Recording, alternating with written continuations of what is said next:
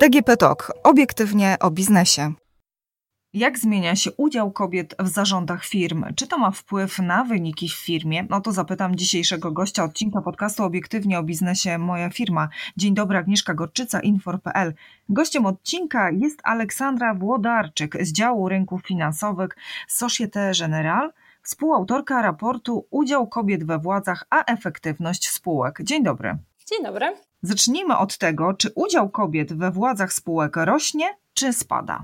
To jest bardzo dobre pytanie. Może zacznę od tego, co my w ogóle przeanalizowałyśmy w naszym raporcie? Przebadałyśmy 140 spółek największych notowanych na giełdzie papierów wartościowych w Warszawie, które na koniec 2019 roku wchodziły w skład trzech indeksów giełdowych WIG20, WIG40, SWIG80. Poddałyśmy je analizie w okresie od 2010 roku do 2019 roku, czyli jest tutaj 10-letni okres badania. No i co nam wyszło? Okazało się, że udział tych kobiet w zarządach i radach nadzorczych e, spółek giełdowych wyniósł e, zaledwie niecałe 14% na koniec 2019 roku. No i co więcej, niestety progres w ciągu tych 10 lat był, ale był, był on bardzo, bardzo powolny, dlatego że w 2010 roku ten udział wynosił 10%, czyli mamy tutaj wzrost o niecałe 4 punkty procentowe. Pani Olo, a w ogóle dlaczego Panie zajęłyście się tym tematem? Poznałyśmy się e, w ramach CFA Society Poland, które jest stowarzyszeniem e, zrzeszającym przedstawicieli z branży finansowej i zrzeszającym profesjonalistów e, mających związek z szeroko pojętym inwestowaniem, zarządzaniem finansami. I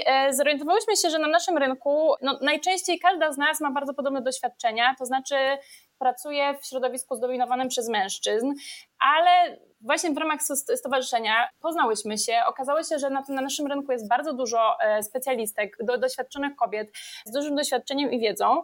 E, no i zaczęliśmy się zastanawiać w ogóle, dlaczego właśnie taka sytuacja na tym rynku finansowym występuje, dlaczego ten rynek jest zdominowany przez e, mężczyzn i co można z tym zrobić. I stwierdziłyśmy, że właśnie najlepszym punktem wyjścia będzie w ogóle zajęcie się szeroko tematem i zdiagnozowanie, jaka jest sytuacja w Polsce i jakie są statystyki i od tych statystyk wyjść i zastanowić się, czy jest problem, gdzie leży problem, e, jak można temu zaradzić. Do tego, jak można temu zaradzić, to my jeszcze wrócimy, ale e, jeżeli chodzi o Państwa raport, no to wiemy, że ten udział kobiet we władzach spółek rośnie, ale rośnie bardzo powoli. Pani wspominała 4 punkty procentowe. Dlaczego tak się dzieje? Dlaczego ten wzrost jest tak powolny? No i tutaj myślę, że powodów jest bardzo, bardzo, bardzo wiele. To może przytoczę statystyki na przykład, które są w, w Unii Europejskiej, bo e, jak przyrównamy ten udział kobiet w zarządach i radach nadzorczych w Polsce na tle Unii Europejskiej, okazuje się, że jesteśmy poniżej średniej. Średnia w Unii Europejskiej oscyluje w okolicach 25%. No i na, na pewno najlepiej wypadają kraje, które po prostu zdecydowały się na wprowadzenie jakichś e, ustawowych kwot albo które wprowadziły jakieś takie miękkie rekomendacje. I zdecydowanie prowadzi w statystykach Francja, gdzie faktycznie ustawowe kwoty dotyczące płci wynoszą 40% i tam faktycznie udział kobiet w zarządach przekracza to 40%, ale są też kraje takie jak właśnie Włochy, Szwecja, Finlandia, Niemcy, Austria, Belgia, Dania, Holandia, gdzie ten, ten udział kobiet przekracza 30%. No i zdecydowanie uderzająca jest różnica między tymi krajami, które wprowadziły takie kwoty ustawowe, a tymi, które wprowadziły jakieś jedyne miękkie rekomendacje albo w ogóle nie zastosowały żadnych środków zachęcających do zwiększenia e, różnorodności. Z czego wynika ten problem? Oczywiście istota problemu tkwi w trwałości takich różnorodnych barier, które napotykamy w drodze do awansu na najwyższe stanowiska. Na pewno często niechęć zatrudnienia kandydatów płci żeńskiej opiera się na po prostu zwykłych stereotypach płci e, w ramach procesu rekrutacji oraz awansowania.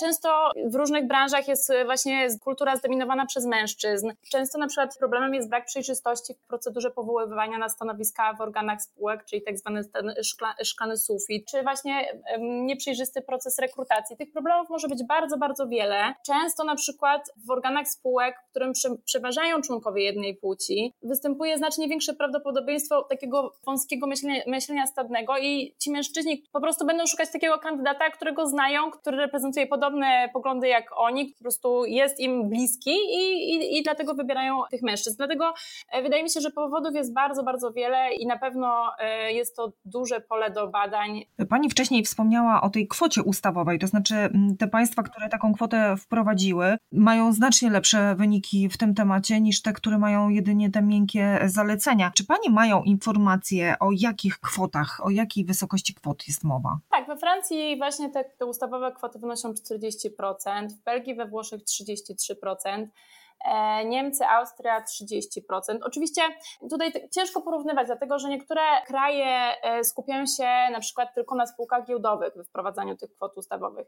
Niektóre koncentrują się na spółkach dużych, niezależnie od tego, czy są obecne na giełdzie, czy nie. Niektóre państwa członkowskie Unii Europejskiej na przykład koncentrują swoje środki na członkach organów spółek giełdowych pełniących funkcje niewykonawcze, podczas gdy na przykład inne obejmują tymi kwotami członków organów spółek, którzy pełnią zarówno funkcje wykonawcze, jak i niewykonawcze więc tutaj jest trochę ciężko porównywać. Oczywiście każdy też pracuje na trochę innym systemie prawnym. U nas kodeks spółek handlowych właśnie określa podział władzy w spółkach giełdowych na zarząd i radę nadzorczą. Akcjonariusze spółek na walnych zgromadzeniach wybierają radę nadzorczą, która w ich imieniu mianuje zarząd. I tutaj też ciężko to trochę porównywać z zagranicą, bo często w zagranicznych spółkach władzę sprawuje Rada Dyrektorów, po angielsku Board of Directors, wybierana przez akcjonariuszy. Dlatego też w naszym raporcie, badając e, władze polskich spółek, wszystkich spółek notowanych na giełdzie papierów wartościowych w Warszawie. Analizowałyśmy łącznie stanowiska obejmowane przez zarząd, jak i Radę Nadzorczą, żeby właśnie móc porównać nasze wyniki badań na polskiej grupie spółek do wyników e, innych międzynarodowych analiz i międzynarodowych statystyk. No właśnie, a propos tych wyników, to tutaj dopiero Panie ciekawostkę odkryłyście, dlatego że wzięłyście pod lupę wskaźniki finansowe, które były związane z wypłatą dywidendy, zyskownością, dynamiką przychodów. I co Panią wyszło? To tak naprawdę był już e, ostatni krok naszych badań, bo najpierw e, stwierdziłyśmy, że faktycznie zajęliśmy się czystą statystyką, czyli okazało się, że te kobiety w organach władzy stanowią zdecydowaną mniejszość. Rzadko kiedy ten udział kobiet przekracza 30%. Zmiany są bardzo, bardzo powolne, tak jak już wcześniej o tym mówiłyśmy. No i zaczę zaczęliśmy się zastanawiać, czy faktycznie ta, taka sytuacja jest dla spółek korzystna. I pokusiłyśmy się o, o pogłębienie tych badań, za, zainspirowane e, badaniami zagranicznymi, dlatego że dotychczas były już prowadzone badania E, przez międzynarodowe firmy doradcze czy banki inwestycyjne e, na spółkach z całego świata, które właśnie wskazują na taką korelację pomiędzy większą różnorodnością we władzach spółek, a ich lepszymi wynikami finansowymi. Było takie słynne badanie Credit Suisse czy McKinsey.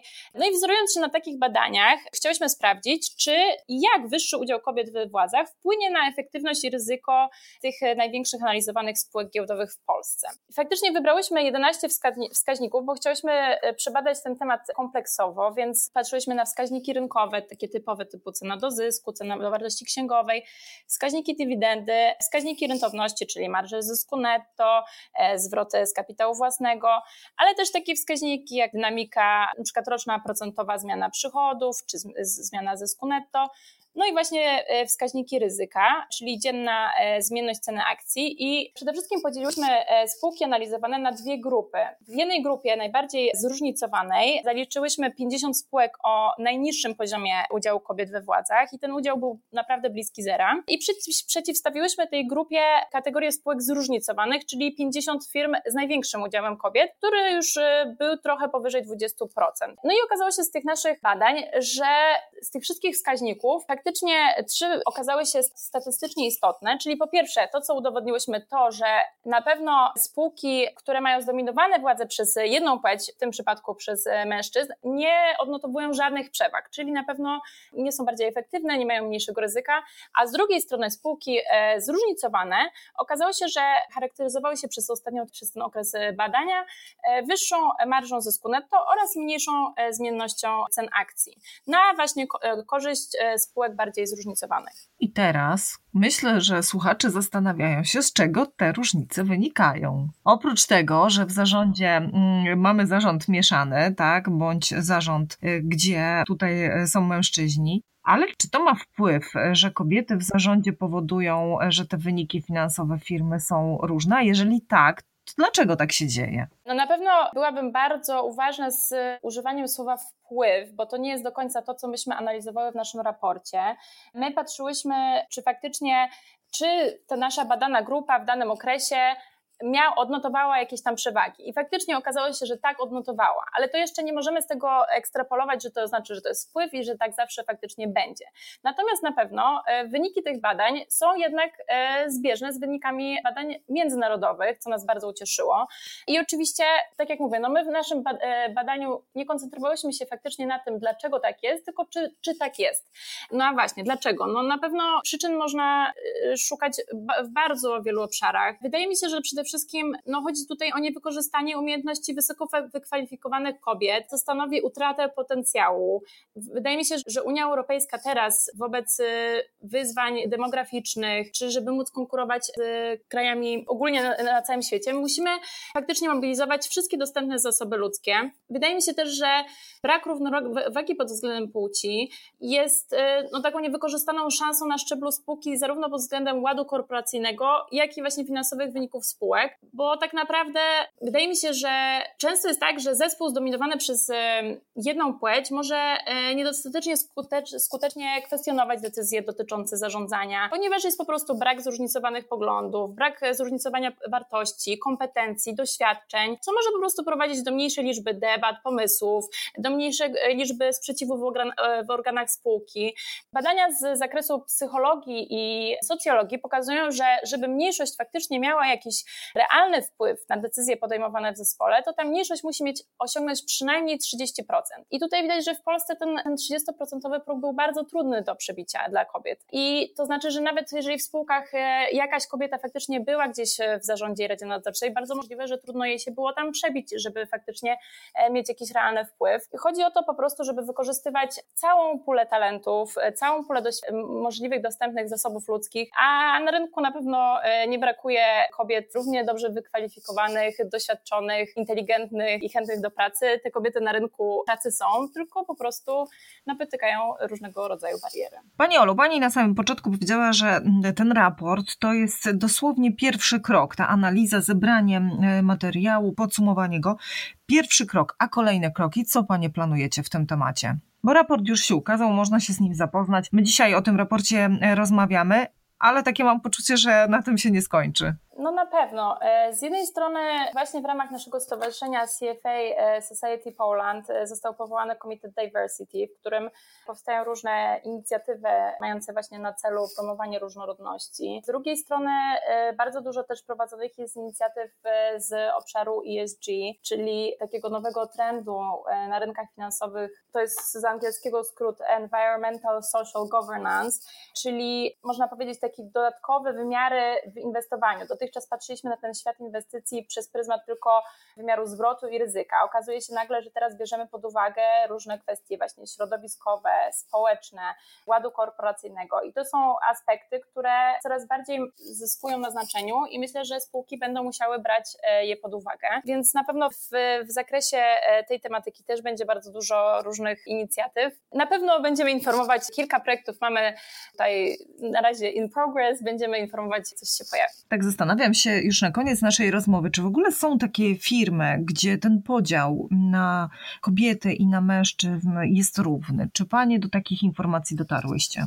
Z naszej badanej puli spółek 140 spółek giełdowych niestety nie. No i to też pokazuje skalę problemu, tak, że sytuacja oczywiście się poprawiała, tak jak mówiłam, ten udział kobiet w spółkach, w organach w zarządzie i Radzie Nadzorczej wzrósł w ciągu ostatnich 10 lat, ale nadal pozostaje bardzo, bardzo dużo do zrobienia, bo okazuje się, że w 2019 roku w co czwartej z tych naszych badanych firm nie było w ogóle żadnej kobiety we władzach, aż w 9 na każde 10 badanych spółek spółek udział tych kobiet nie przekroczył progu 30%, właśnie tego kluczowego dla, opisanego w literaturze. No i niestety w żadnej spółce e, liczba kobiet i mężczyzn we władzach nie była równa. Pani Aleksandro, dziękuję serdecznie za rozmowę. Gościem odcinka podcastu Obiektywnie o biznesie Moja firma była Aleksandra Włodarczyk. Rozmawiałyśmy o raporcie Udział kobiet we władzach, a efektywność spółek. Pani Aleksandra, współautorką właśnie tego raportu. Dziękuję jeszcze raz serdecznie za rozmowę. Dziękuję ślicznie. Do usłyszenia. Música